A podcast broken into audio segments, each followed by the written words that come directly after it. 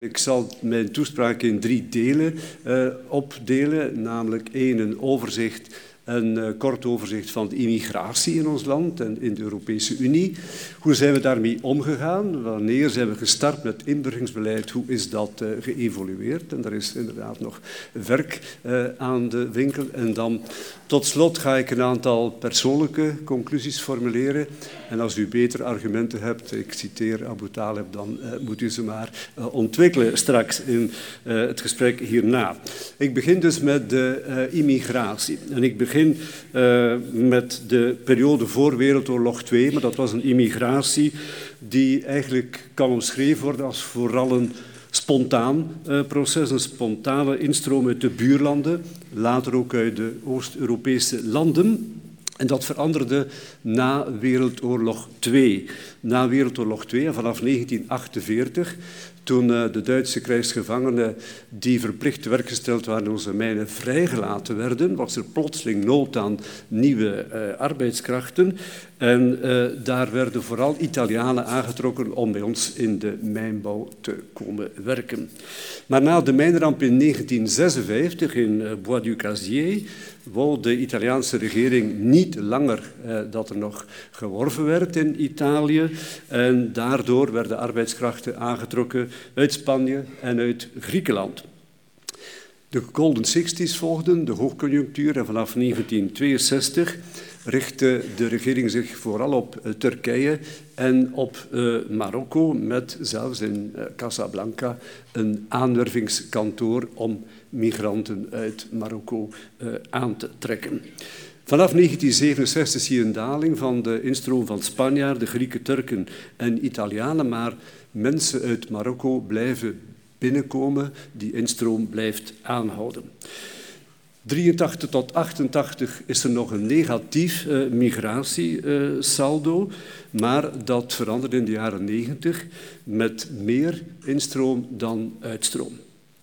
En in die jaren 90 is uh, migratie vooral, en dat fenomeen kennen we, vooral een familiemigratie, een volgmigratie en ook een economische migratie.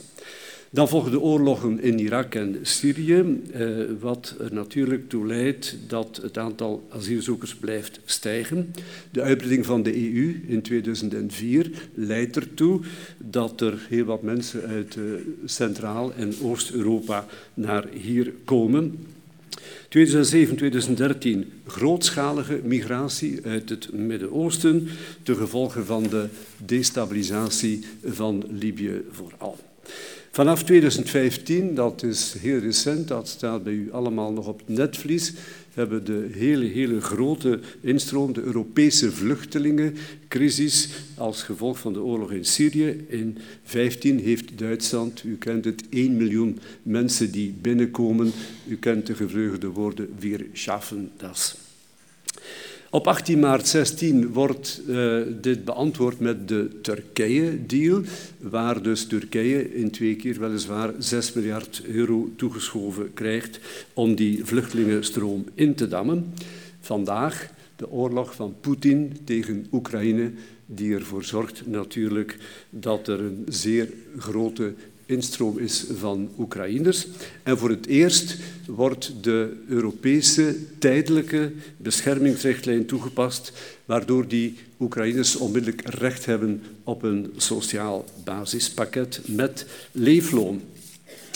Hoe zijn we daarmee omgegaan? Uh, wanneer zijn we gestart met inburgeringsbeleid en hoe hebben we dat uh, aangepakt? Ik vertel natuurlijk niks nieuws als ik zeg dat inburgering moeilijker is naar gelang van het land van herkomst van de nieuwkomers. En belangrijk om te weten is dat wij lange tijd geen oog hebben gehad voor de religieuze overtuiging van de migrant.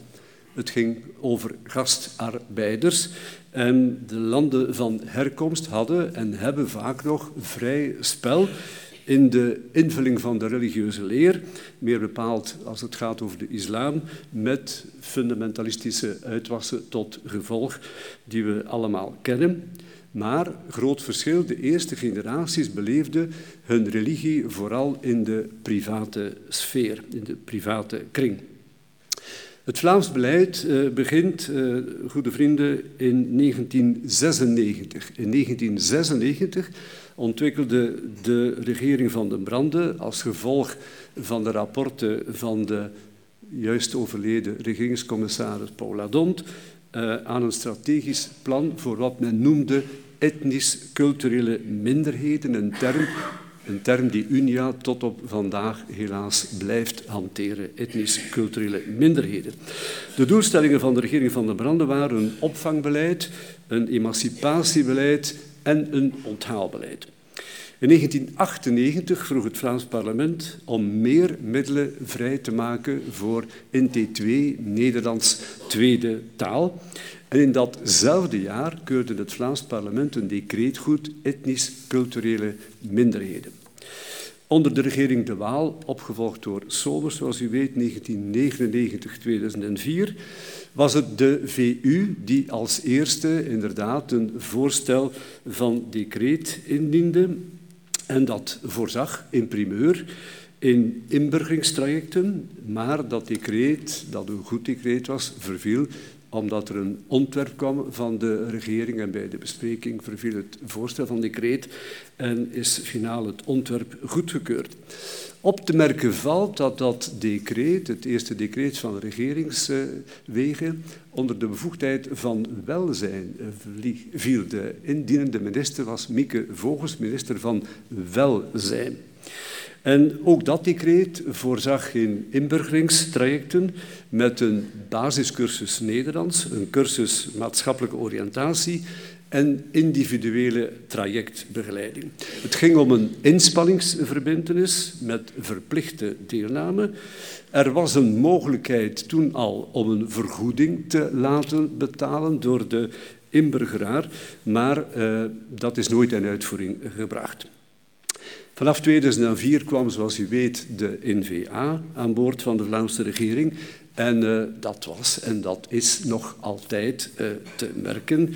Op dat moment had ik een heel jonge, assertieve raadgever voor inburgeringsbeleid. En die werd later mijn AKC, een zekere Theo, die mee in de onderhandelingen een grote stempel kon drukken op het beleid dat uitgetekend werd. Maar we hadden al in ons congres in 2002 de uh, lijnen getrokken die eigenlijk tot op vandaag de verdere basis blijven vormen voor het beleid we spraken niet over Voltaire, eh, burgemeester, maar eigenlijk was het ook de spiegel van Voltaire die we de mensen wilden voorhouden vanaf 2002. En ik geef toch enkele van onze toen in 2002 baanbrekende resoluties mee. Die zijn eigenlijk gemeen goed geworden, grotendeels toch, eh, ondertussen. Um, en ik citeer een aantal. Eén, Vlaanderen vormt een inclusieve gemeenschap. De NVA zal nooit een minderhedenbeleid voeren waarbij etnische groepen een apart statuut krijgen in de samenleving. Alleen echte gezinsherenigingen kunnen nog. Mensenhandel kan je maar bestrijden als je de mensen die illegaal naar hier gebracht worden ook effectief uitwijst. Verplichte inburgering als opstap naar mogelijke nationaliteitsverwerving Politiek asiel blijft een fundamenteel recht. Ik vind dat dit allemaal nog verbazend actueel klinkt en de basis kan vormen en moet vormen voor het beleid. Met het regeerakkoord van de regeringen Leterme en Peters I, met deelname van onze partij, van de NVA, ging de bevoegdheid van welzijn, het zal u niet verwonderen, over naar binnenlands bestuur. En al in 2004 kwam het decreet Huizen van het Nederlands tot stand. En wij maakten in het regeerakkoord ook duidelijk wat we van de nieuwkomer verwachten. En ik citeer, het is de plicht van de nieuwe Vlaming om actief aan de samenleving deel te nemen door de taal te leren. De Nederlandse taal verbindt ons allemaal, we hebben de filmpjes eh, gezien. Door de taal te leren en de omgangsvormen van de ontvangende samenleving te leren kennen en te respecteren.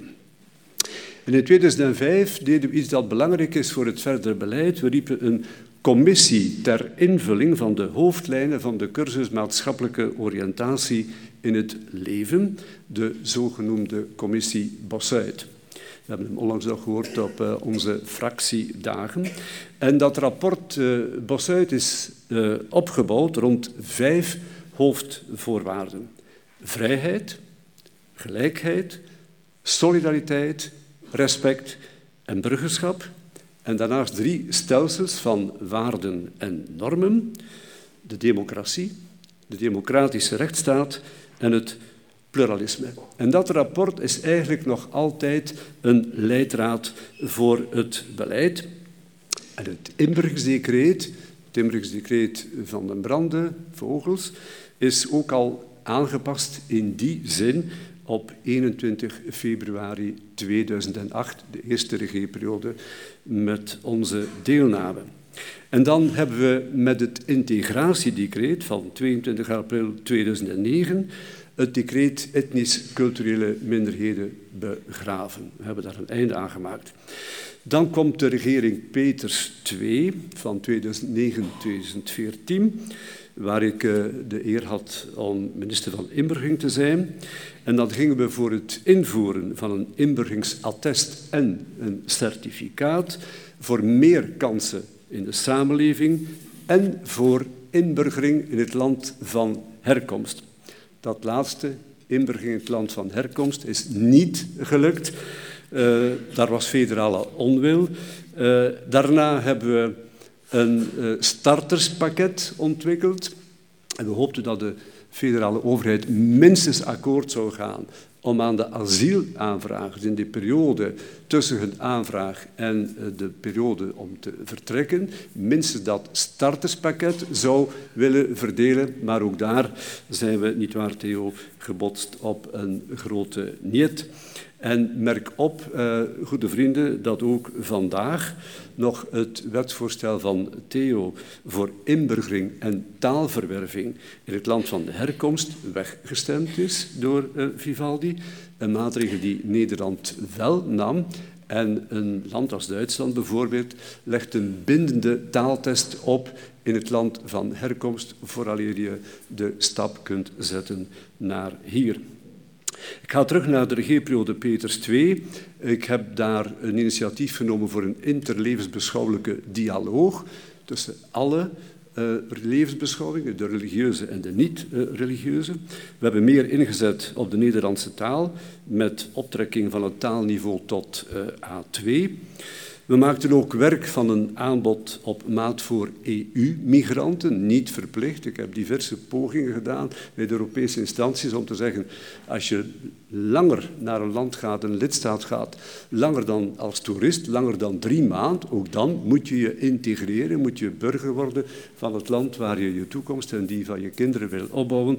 Maar dat stuit eh, op een niet, op een Europese niet.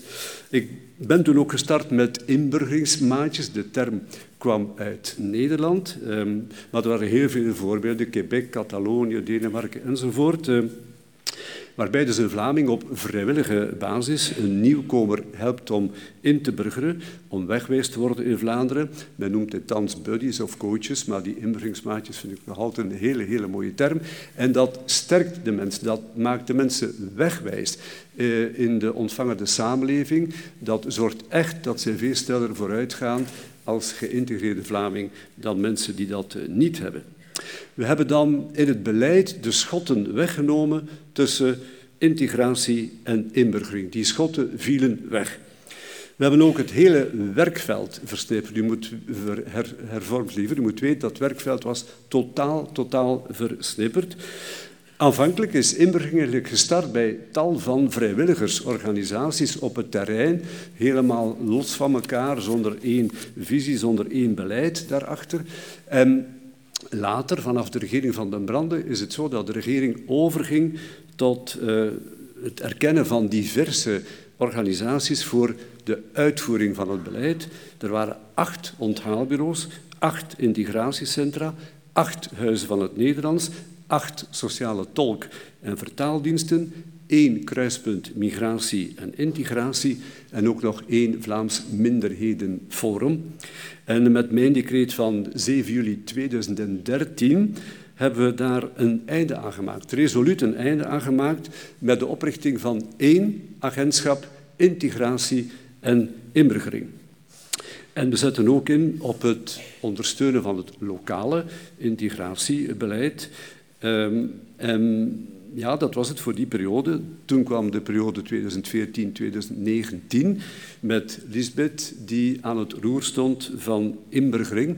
En ik moet zeggen dat de start van uh, dat eengemaakte agentschap heel wat voeten in de aarde gehad had. Er was enorm veel tegenstribbeling van de zuilen, van een aantal NGO's en dergelijke meer, maar hebben dat kunnen doorvoeren omdat we willen komen tot één beleid. En het filmpje toont aan dat er nog werk aan de winkel is, als we de mensen vooral erop wijzen hoe ze zonder werken aan een inkomen kunnen geraken. Maar de bedoeling is om te komen tot uh, een uniform uh, beleid natuurlijk. Dus dat decreet had al heel wat uh, tegenstand te verwerken gekregen.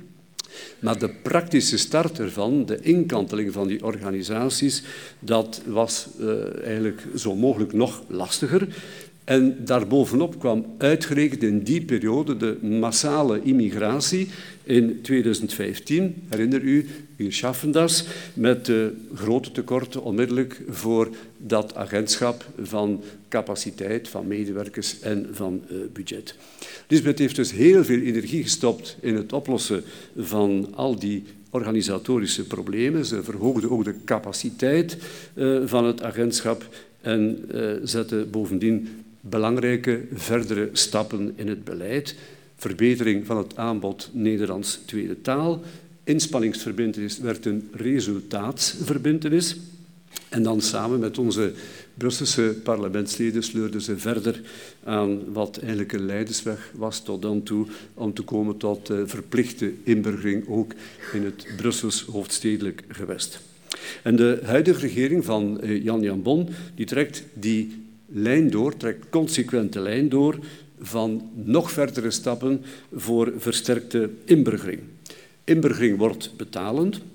Inburgeraars ontvangen hun attest slechts als voldaan is aan de vier pijlers van het traject. Slagen voor de test maatschappelijke oriëntatie, slagen voor de test Nederlands tweede taal, verplichte inschrijving bij de VDAB voor inburgeraars die niet werken en ook 40 uren deelnemen aan de vierde pijler participatie en netwerk. En ook een novum, het agentschap Integratie en Inburgering, bezorgt systematisch adviezen aan de dienst Vreemdelingenzaken over inburgeraars op basis waarvan deze dienst kan beslissen om al dan niet de verblijfstatus te verlengen. De cursus Maatschappelijke Oriëntatie is gebaseerd op een zevental principes, eigenlijk samen te vatten als die sokkel van waarden, de vertaling van de principes van de verlichting in onze huidige samenleving. Ik kom, vrienden, tot een aantal conclusies die ik uh, wil trekken, met uh, daarna uh, een aantal aanbevelingen die ik zo vrij ben te formuleren. Ik denk dat wij trots mogen zijn op het Vlaamse beleid tot nu toe, het Vlaamse integratie- en inburgeringsbeleid. Ik denk dat dit een hoge score haalt. Maar er mag natuurlijk nog uh, veel meer en er moet nog veel meer gebeuren. Ik denk vooral dat we via het agentschap echt het Vlaamse burgerschap, de activiteitsgraad, de mensen moeten werken om vooruit te komen, krijgen ook die kansen om vooruit te komen, dat we nog veel meer moeten zorgen voor op de werkvloer een toepassing van die principes. De principes staan er, maar als ik het filmpje zie en mijn eigen ervaring heeft me dat ook geleerd, dan zie je dat op het terrein, in de cursussen zelf, nog enorm veel terrein te winnen valt. Het beleid is uh, gegroeid, ik zei het al, uit ja, goede, minder goede, maar altijd goed bedoelde praktijken op het terrein met heel veel inzet van vrijwilligers. Dat wil ik beklemtonen. Er zijn nog altijd heel veel vrijwilligers actief daarin die zich echt inzetten om die medeburgers hier te integreren. Dat beleid is natuurlijk mee geëvolueerd met de instroom die ik geschetst heb, maar telkens opnieuw hebben wij verdere stappen gezet naar een gedeeld burgerschap, een gedeeld burgerschap, een gedeelde toekomst met een verschillend verleden. En het is eenvoudig, wie hier haar of zijn toekomst op wil bouwen, die heeft gelijke rechten, die heeft al die vrijheden, maar die heeft ook plichten hier. En die moet onze gedeelde waarden onderschrijven. Niet alleen onderschrijven, maar ook in de praktijk brengen. En wie dit aanvaardt, die krijgt hier ook fantastische kansen met een eigen private cultuur, maar met een gedeelde publieke cultuur. En de vraag rijst of alles wat we gedaan hebben tot nu toe, of dat uh, voldoende is. Het antwoord is volgens mij dat inburgering werkt, maar er is bijvoorbeeld nog steeds onvoldoende arbeidsparticipatie, onvoldoende opwaartse sociale mobiliteit en we zijn nog lang niet toe aan een onbevangen door iedereen gedeeld Vlaams burgerschap. Er is een kloof op de Belgische en de Vlaamse arbeidsmarkt in zaken participatie, werkloosheid, typecontract en statuut, werkuren en lonen en intrede van jongeren in een eerste stabiele tewerkstelling. En vooral de achterstand bij de tweede generatie groepen baart zorgen. En dit blijkt uit een longitudinale, longitudinale studie inburgering en activering van 2020, data 2005-2016, maar de recente studie van Randstad van Jan Denis over de inactiviteit in België bevestigt deze situatie. Luister goed, de inactiviteitsgraad van 25 tot 64-jarigen in België is de op vier na slechtste van de EU. Alleen Griekenland, Kroatië, Italië en Roemenië doen slechter. En de inactiviteit van personen met een nationaliteit van buiten de EU is nog slechter. In België is 44,2 procent van deze burgers, dus op arbeidsactieve leeftijd, 25 tot 64, niet aan het werk. En ook niet op zoek naar werk. En binnen die groep geldt dat voor vrouwen nog veel sterker. Daar gaat het om 60 procent van die vrouwen niet aan het werk en niet op zoek naar werk.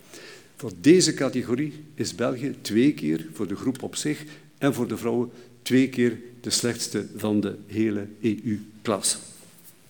Een andere conclusie is dat uh, uh, onze ambitie om tot een gedeeld uh, Vlaams burgerschap te komen al tot successen heeft geleid, maar dat is nog altijd niet gelukt voor een heel belangrijk deel van de nieuwkomers. En dat brengt mij dan tot een zestal conclusies die ik wil trekken, een zestal aanbevelingen waarover we kunnen uh, discussiëren. En zoals burgemeester Abu Talib zei, kom met betere argumenten als u het er niet mee eens bent. Eerste gaat over het bestuurlijke niveau. Inburgering en integratie zijn vandaag ingeburgerd in de werking van de Vlaamse overheid. De taskforce Oekraïne bijvoorbeeld, daar werken alle beleidsdomeinen aan mee. Maar voor het geheel van dit beleid moet er een echt holistische aanpak komen. Er moet samenwerking zijn, werk, onderwijs, wonen, uiteraard inburgering en uiteraard ook in zaken migratie. En daar knelt het schoentje natuurlijk. Migratie is federaal, is EU-beleid. En uh, ja, dat is een heel grote Wij zijn niet bevoegd voor migratie. En die band migratie met die aanpak van inburgering die moet natuurlijk kunnen uh, gelegd worden. En ook daar dus, Bart, hebben we die confederale omslag nodig. Ook nog bestuurlijk, het agentschap Binnenlands Bestuur trekt radicaal de kaart van interbestuurlijke samenwerking met de lokale overheden, maar botst hier eigenlijk op veel te kleine gemeenten met een gebrek aan bestuurlijke capaciteit. En het beleid op uh, dat terrein kan volgens mij wat we doen in Antwerpen, wat we doen in Gent, beter toevertrouwd worden aan de lokale overheid, die ook werk kan maken van arbeidsparticipatie, het geheel van die uh, domeinen kan uh, uitvoeren, heel dicht bij de mensen kan uh, aanpakken. Maar dit vergt natuurlijk fusies van gemeenten met een grotere bestuurscapaciteit. Nederland heeft grotere gemeenten. Het Deense model staat mij altijd voor ogen met een mediaan van 52.000 inwoners. Tweede conclusie, de arbeidsparticipatie moet omhoog. Dit is een belangrijke, zo niet de belangrijkste sleutel tot integratie. En dat kan, we kennen allemaal persoonlijke voorbeelden van fantastisch geslaagde opwaartse mobiliteit. Af en toe in de eerste generatie, maar zeker in de tweede generatie en volgende. En onze partij heeft bij haar politieke mandatarissen schitterende boegbeelden, maar dit kan allemaal beter. En de hefboom ligt daar bij opvoeding en onderwijs. Voorkomen van achterstand, goede vrienden, begint in de crèche, begint in de kinderopvang. En het beleid ter zake verdient volgens mij meer aandacht, verdient meer middelen. De taaltoetsen voor kleuters die Ben heeft ingevoerd zijn een hefboom voor emancipatie, een hefboom voor gelijke kansenbeleid. Die taalachterstand moet bijgewerkt worden. Kinderen van vreemde origine zijn niet minder intelligent dan kinderen uit autochtone ouders geboren. Ehm, en met die taaltoetsen kunnen we een eerste horde nemen, maar de verdere weg in het onderwijs die loopt nog altijd niet zoals het zou moeten gebeuren. De klim op de sociale ladder is er vaak nog niet. En we horen vaak verhalen van mensen, ook bij ons in de partij, die zeggen wij werden georiënteerd naar onderwijsvormen die niet toelieten om wat wij noemen verder te studeren. Daar is veel werk aan de winkel. Ik ben minder jong en heb de periode van de democratisering van het Vlaams onderwijs meegemaakt. Het was toen absoluut niet de gewoonte dat kinderen van arbeiders in mijn stad, ik kom uit een fabriekstad, eh, dat die verder studeerden, zoals we dat noemden. De leerplicht uh, gold tot 14 jaar. En het was bijna automatisch zo dat dochters en zonen van arbeiders dat die op 14 jaar stopten met studeren en dat die ons in de schoennijverheid of in de borstelnijverheid gingen werken. En toen is er iets gebeurd waarbij ja, de leraar van het zesde onderwijs, de kapelaan, de mensen van het middenveld, eh, KWB en dergelijke meer, naar die ouders gingen en Jerome, uw dochter, uw zoon, die moet verder studeren. En daar is een hele beweging op gang gekomen. Ik zie helaas bij veel van die nieuwkomers zie ik dat middenveld niet. Zie ik niet die imams die die rol overnemen van die kapelaan om de mensen te stimuleren om uh, die stap te zetten. Wij moeten dus absoluut een middel vinden om ook daar een duw te geven, een stoot te geven aan uh, die ambitie om, uh, net als iedereen, via diploma geschikt te zijn voor de arbeidsmarkt op welk niveau ook. Ten derde, uit de studie van uh, Stijn Baart blijkt dat etnische discriminatie bij aanwerving nog altijd een feit is, maar gelukkig afneemt. En ik vind dat we daar heel, heel duidelijk over moeten zijn. Geen enkele werkgever mag nog discrimineren. En wie dat wel doet, wel, die moeten we met pek en veren overladen, goede vrienden. En daar moeten we dus een verdere aanpak hebben, samen met de Sociaal-Economische Raad voor Vlaanderen. Trouwens, die werkgevers zijn ook heel kortzichtig. Daar ligt een zeer groot potentieel aan arbeidskrachten dat nu in economische termen niet uh, benut wordt. Ik vind ook dat we hen moeten vragen meer verantwoordelijkheid te nemen op de werkvloer. Ik kom op heel veel plaatsen in bedrijven waar de voertaal niet het Nederlands meer is, niet het Nederlands is op de werkvloer. En ik vind dat werkgevers daar hun verantwoordelijkheid in moeten nemen. VDAB staat klaar om daarbij te helpen. Ik stel vast ook dat veel van die werkgevers dat niet eens weten, dat er taalkursussen op de werkvloer, praktische cursussen, die niks afdoen van de productiviteit, kunnen gegeven worden. Ten vierde, goede vrienden, sterke, geëmancipeerde vrouwen staan voor een sterke samenleving. En dit geldt voor de landen in ontwikkeling, waar ik vind dat daar de leerplicht moet ingevoerd worden, gradueel moet ingevoerd worden, voor jongens en voor meisjes.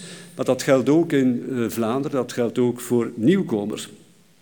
En vooral jonge vrouwelijke leerlingen moeten gestimuleerd worden om verder te studeren, om een diploma te verwerven dat toegang heeft tot de arbeidsmarkt. Dit maakt niet alleen hen sterker, maar leidt ertoe dat hun kinderen naar de kinderopvang gaan, dat die kinderen geen achterstand oplopen en dat we op die manier de vicieuze cirkel kunnen doorbreken. Absolute voorwaarde daarbij is dat we de gelijkheid man-vrouw erin hameren. Dat we geen enkele discriminatie op dat vlak dulden en dat wij altijd en overal, en dat doen we, opkomen tegen de onderdrukking van de vrouw, waar het ook gebeurt.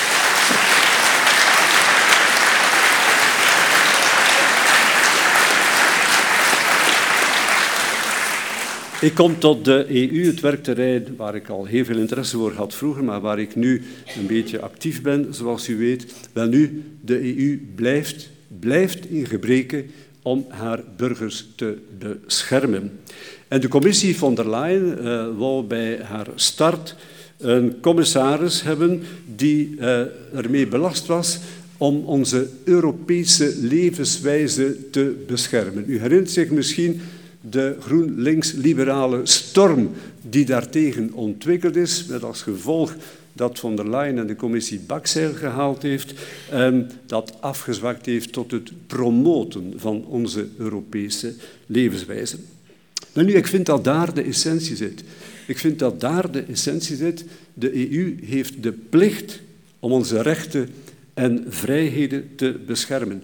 Wie hier asiel krijgt, in onze vrijhaven, Europa, die moet beseffen, en Abu Talib heeft hetzelfde gezegd, die moet beseffen en erkennen dat dit enkel kan omdat we hier een pluralistische rechtsstaat hebben, waar die rechten en die vrijheden, die vrijheid van opinie, van levensbeschouwing beschermd wordt, waar die vrouw of die man die asiel zoekt en die vervolgd was omwille van uh, politieke of ideologische of levensbeschouwelijke overtuiging asiel kan krijgen, wel, die vrijhaven kan alleen standhouden op basis van die gedeelde verlichtingswaarden. En daar heeft de EU een kapitale rol te vervullen.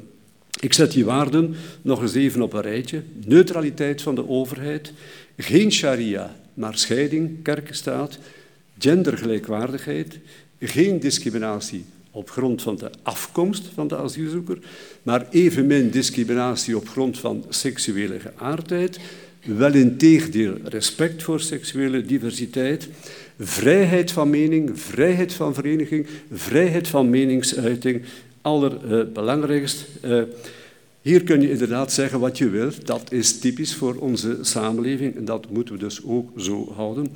Pluralisme met wederzijds respect tussen alle levensbeschouwingen, religieuze en niet-religieuze. Dat kompas moeten we aanbieden, dat kompas moet de EU ook aanhouden bij iedereen die wenst binnen te komen. En dat betekent dus dat er geen plaats is voor fundamentalisme van welke aard ook. Salafisme, wahhabisme, jihadisme enzovoort. Wij houden die scheiding kerk-staat aan. Wij houden van die pluralistische rechtsstaat.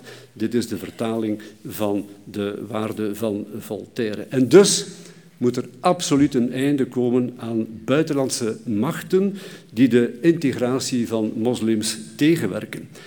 En het is heel eigenaardig. Er was aanvankelijk een seculariseringsproces bij die mensen. En we zien dat dat in de volgende generaties verandert. Er is eigenlijk een desecularisering bezig. Er is een herislamisering in een bepaalde mate. En dit staat haaks. Dit staat haaks op de sokkel op basis waarvan wij onze samenleving willen opbouwen. En voor mij moet wie hier binnenkomt een plechtige verbindenis ondertekenen dat zij of hij deze waarden zal respecteren. En wie dat niet doet, die hoort hier niet thuis. Wij gaan die democratische, pluralistische rechtsstaat niet kapot laten maken. Dit zijn de fundamenten waarop wij samenleven en op basis waarvan zij die vervolgd zijn, die asiel zoeken, ook hier een toekomst op willen bouwen. Wel nu, er zijn...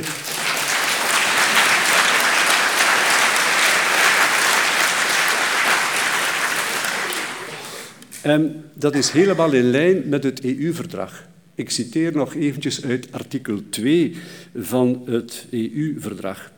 Het formuleert krachtig de basiswaarden van onze Europese samenleving.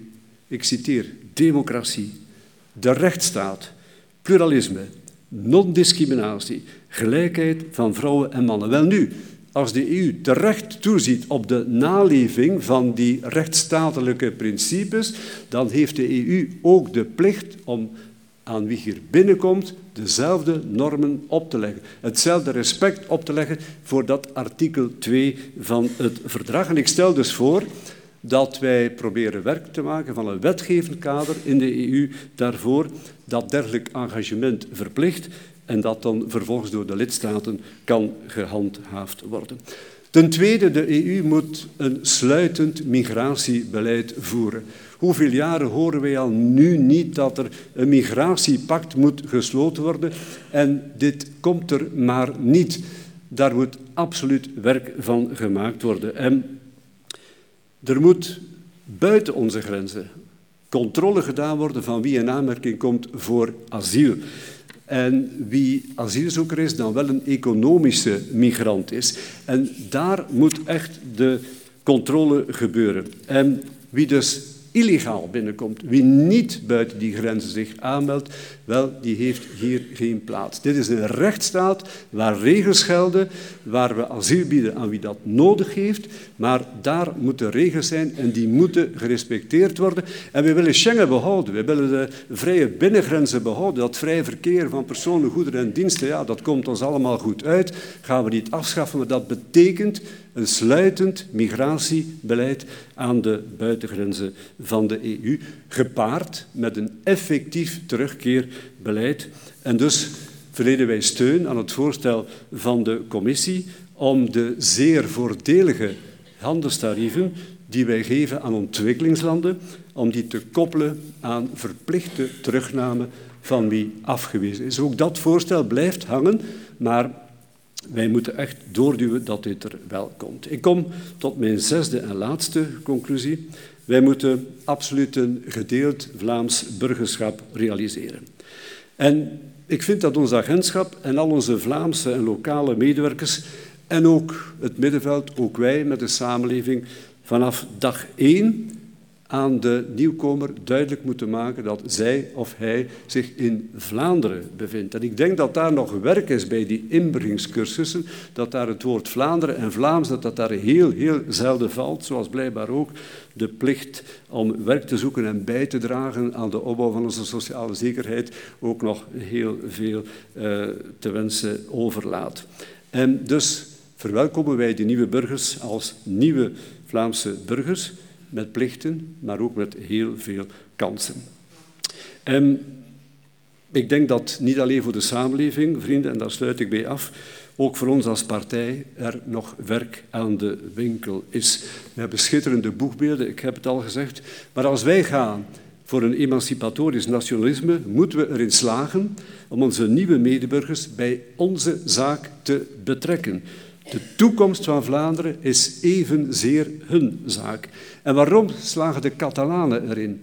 Om de nieuwkomers, de mensen van allochtone origine, mee te laten betogen voor independentia. Waarom slagen de Schotten erin om bijna twee derde van de moslims pro-onafhankelijkheid te laten stemmen? En waarom kan dat in Vlaanderen niet of veel te weinig? Dat wij die band maken met de nieuwkomers. Ik sluit af met de prachtige woorden van Mark Elgardus. Onze nieuwe medeburgers moeten ook onze gezellen worden. Ik dank u zeer.